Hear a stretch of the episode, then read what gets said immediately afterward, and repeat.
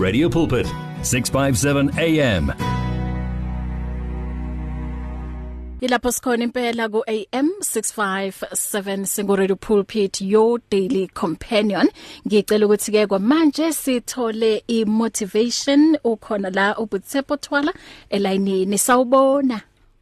Awu manhlapho ngifaka ngengoma emnandi kangaka Awu uzwile sihamba ngestep. Hayi stop hayi kancane kancane 1 2 1 2. Samba ku red carpet. Yebo, yebo. Kunama flower petals ngapha. Amasuti one button ngithi yabo. Nayi band lapha stage nayi shade. Yeah. Nazi itulo ezinkulu zenkosi. Yeah.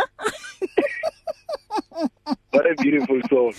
Wow, sekwamkela kule ntambama. Thank you so much. Thank you so much for having me once again. What an opportunity. It's an honor. Mhm. Amen. Amen. Usiphatheleni kule ntambama? Ngiyabonga kakhulu. I just want to pick up from uh, Pastor K. a great man. the stuff lets us push. I just want to encourage people ukuthi indeed Yeah. uh, we we appreciate such initiatives mm -hmm. uh, Mhm. that are able to amass imishado because we need to understand ukuthi any other thing that we do outside marriage Yeah. it's what God has allowed for men to do it Mhm. but one institution that God orchestrated came up with and even blessed and he made it its own umshado Mhm. so this institution it needs to stand and we are coming at a time and we are in a time and an epoch and a season whereby the enemy wants to destabilize the nations by making sure ukuthi destabilize amakhaya ngoba maka destabilize umama wa destabilize ubaba u destabilize abantwana and out of them they can be you know the next uh, uh, heroes to come out of them so we appreciate such an initiative hallelujah Amen. Amen. Amen. Amen. Mm, you know, mm. um, I was just reflecting, Mantlapo, and thank you for the opportunity once again, everyone under the sound of my voice who are listening. You know, my wife is listening, uh, everyone, and Nabangani, and those who are listeners of this very same show. We appreciate you, Mantlapo, for doing an outstanding work. May the Lord continue to increase you, and thank you once Amen. again for this opportunity. I do not take for granted. Remember, everyone who's listening to you, somebody can take what I'm saying and put it into action. Either their lives can turn out for the better or for the worse. So I do not take this opportunity for granted. I was reflecting on the 7th of March, we started in speaking about perception. And then last week we say perceive right. Today I just want to bring this thing, what I call perception killers. What kills your perception? Because out of your perceptions, there's big things that can come out. You know, somebody had to see a vision. But the vision, it goes with sight. Sight is about perception because perception entails seeing, it entails hearing, it entails being aware through your senses. So when your senses are enlightened, you are able to see in even to another level and take things at a higher level. You are able to see not from the ground level, but you are able to see at the cloud. That is why the Bible says, Whosoever has a vision, write it down, make it plain on the tablet so that the herald can see it and run with it. The Bible could have said the herald will see it and walk with it. No, we don't run, we don't walk with the vision because when we walk, uh, it's easy for us to contend with dead things, but we run with the vision. Sibalekile izinto esaziyo ukuthi they will disturb the vision. So today I want to talk about uh, perception killers because the perception once you perceive right, once once you pe- perceive right and have the ability to see what God is seeing, then you've got the power to go to the next level in your marriage, in your town, in your family, in your church, in your sphere of influence where God has pushed you. But the issue it, do you perceive right? Today, let's check the perception killers. The issue, Mantapo, that one of them amongst many that can kill a perception is the type of people that you have surrounded yourself with. It's the type of people that have surrounded you. I want to bring this to our, our, our listeners. Ukuthi, my prelude is that everyone is born a king, but they need to be released to their kingship. Because David uh, was born a king, but it needed a Samuel to come and anoint him and release him into a kingship. But as we are speaking about perception, you might not be able to reach the level where God wants you to reach because of those who are perception killers. Number one, they are people who into your life. You need to check who is speaking into your life. And that person uma ekhuluma we have this tendency yokuthi we've got people you've done psychology emandlapo you will attest with this. There are people who don't listen with the aim to to to to to be helped but they listen with the aim to respond. Those who speak into your life you need to be able to be attentive to them.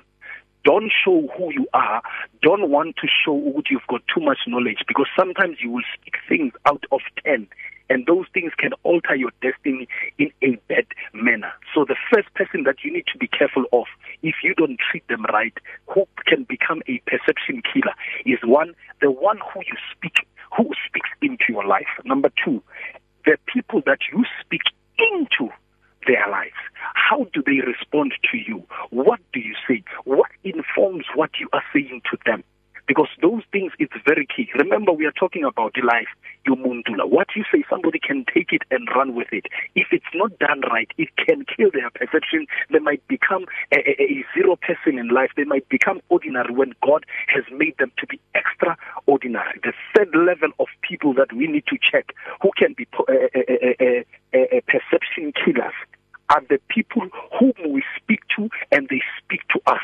Those are our ukhuluma empilweni yakho ukhuluma naye. Ubani uthi uma ukhuluma akulalele ubani uthi makakhuluma nawe umlalele? You share the same space. You are in the same rank with them. If we do not check these three types of people it can kill our perception.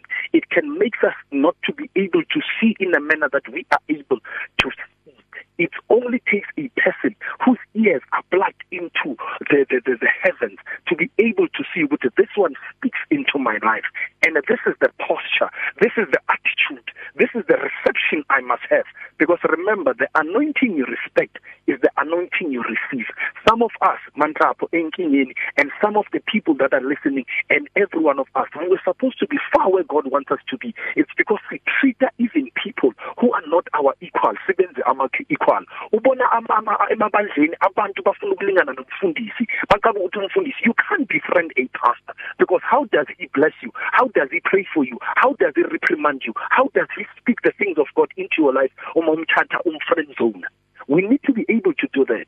A fear in my life, my covering, my spiritual covering is not at the same level as me. I need to be putting him at that level so that my perception about life, because there's certain things that he is going to speak into my life that will make my perception to be better. But if ngiyamthatha ngiyamfriend zone, if ngiyamthatha ngiyampintshi zone, I'm making my perception to be killed. As a result, the person would have then been put in my life as a perception killer. And two, those who you speak into their life, how do they treat you? How do they receive you? Do they see the anointing upon your life, which is then is there to break every yoke? Because we can't equalize everyone. That is why even in churches, that is why even in government institutions, that is why even in life, that is why even in a soccer team, there's a coach, there's an assistant coach, there's a technical manager, there's a team chief manager, you know, there's a chief of staff, there's a secretary. All these things are ranked, and everyone, when they're seated in their place, they are able to make the team to function right and make an institution to be a force to be reckoned with. To our people listening today, I'm saying let's do an introspect, retrospect, and do a as we go forward. God wants us to rise. There's just a new set of heroes that the world is looking for, a new set of kings that the world is looking for, a new set of voice that the world is looking for. But we need to rise with a perception that is right. Be careful of the perception killers. Who speaks into your life? Who are you speaking to about? And who is equal to you? Speak to them and speak to them. It's important that we take an introspect today. Unga equalize abantu abanga equalizer. Ungadeleli ugcobo kufanele ngabe uyalihlonipha ngoba ngeke likusebenzele. So it's important that we do not kill the perception that God has given us. Your perception can be what you hear for the season. Your perception can be the vision that God has given you for your company. Kunabantu kumele wazi ukuthi lo this is one speaks into my life. Uma nhlapho angimbeki kwi friend zone, ngimbeka la so that whatever he says I jump and go to that so that my next level can be unlocked. Check the perception killers. And take repentance if it happens that there's certain people obabeke kuyi level ephansi fanele babe kuyi level enkulu. Even in our families kunabantu esithanda ukuthi siba equalize there's people that you can equalize. Be careful of perception killer and protect your perception for the next level.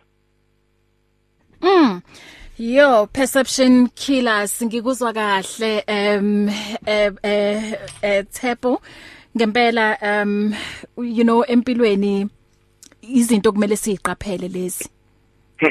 Yeah. Important. It is important indeed. Yeah. Okuthatha umanhlapho angalingani nawe wamenza ngathi uyalingana. That is why abafundisi bethu bayadelela. And i'm saying this with all authority to say namhlanje sithatha abafundisi bangaphandle sabayenza sababeka lapha but umfundisi wakho akwazi wamnikeza imillion and say you've been good to me. Ungibonile ngikhula wangithatha estradeni wangcwaba ekhaya kunezinto wangibeka. But the guy comes from outside he's not even your local church pastor he's a guest speaker uyahamba skip imani why? We don't perceive abafundisi bethu to say they are powerful. They are called. God. Has put things in them fanele kuze kusuke ispeaker mind you i don't have a problem with the speaker but lo phila nawe lo wazi ama wrongs wakho lo wazi ama faults wakho kunezinto ubahle azenzayo lo usifukamele i guest speaker ayiwazi why True. don't perceive Mm. that which God has given us right that is why ingasebenzeli lento bese Inamandla. umfundisi wethu akekho powerful Mm. Loya upowerful. No angithi wena uthathele anointing wayenza ngathi iyalingana nawe. Yebo. wambeka kule rank yokuwe. No no no you can't friend zone and to all those who have friend zone their fundi bafundisa ababuyele bayicele repentance and say you are at a higher level. You can't friend zone your pastor. How are you going to pray for a friend? How are you going to tell a friend if they are wrong? Mm. because kukhona izinto sowuzazi ngaye. That is why wazi ukuthi ebandleni ukuchithe nebandla because bekhona izinto engafanelanga ube exposed kuzo. True. learn to say no. True. Mm. Mm. because mm. your perception is olimala and as a result you just be an average when Eish. God wants you to be a principality Ah. because of friends the way abantu abanga wrong let's check ama rank manhlaba Yeah. the people that you rank higher than them manhlaba Yes. let's check those things Mm. the kingdom is at hand in the kingdom Wow. we don't tolerate such uh, things and, and mistakes and errors Mm. or we friend zone men of God asibanikezeni abafundisi indawo yabo asinikezeni ama elder in, in, in our families indawo yabo Mm. and speak I'm Amen. telling you, our life is going to Amen. be the better. Let's check perception killer. Wow. Em sikuthola kuphi?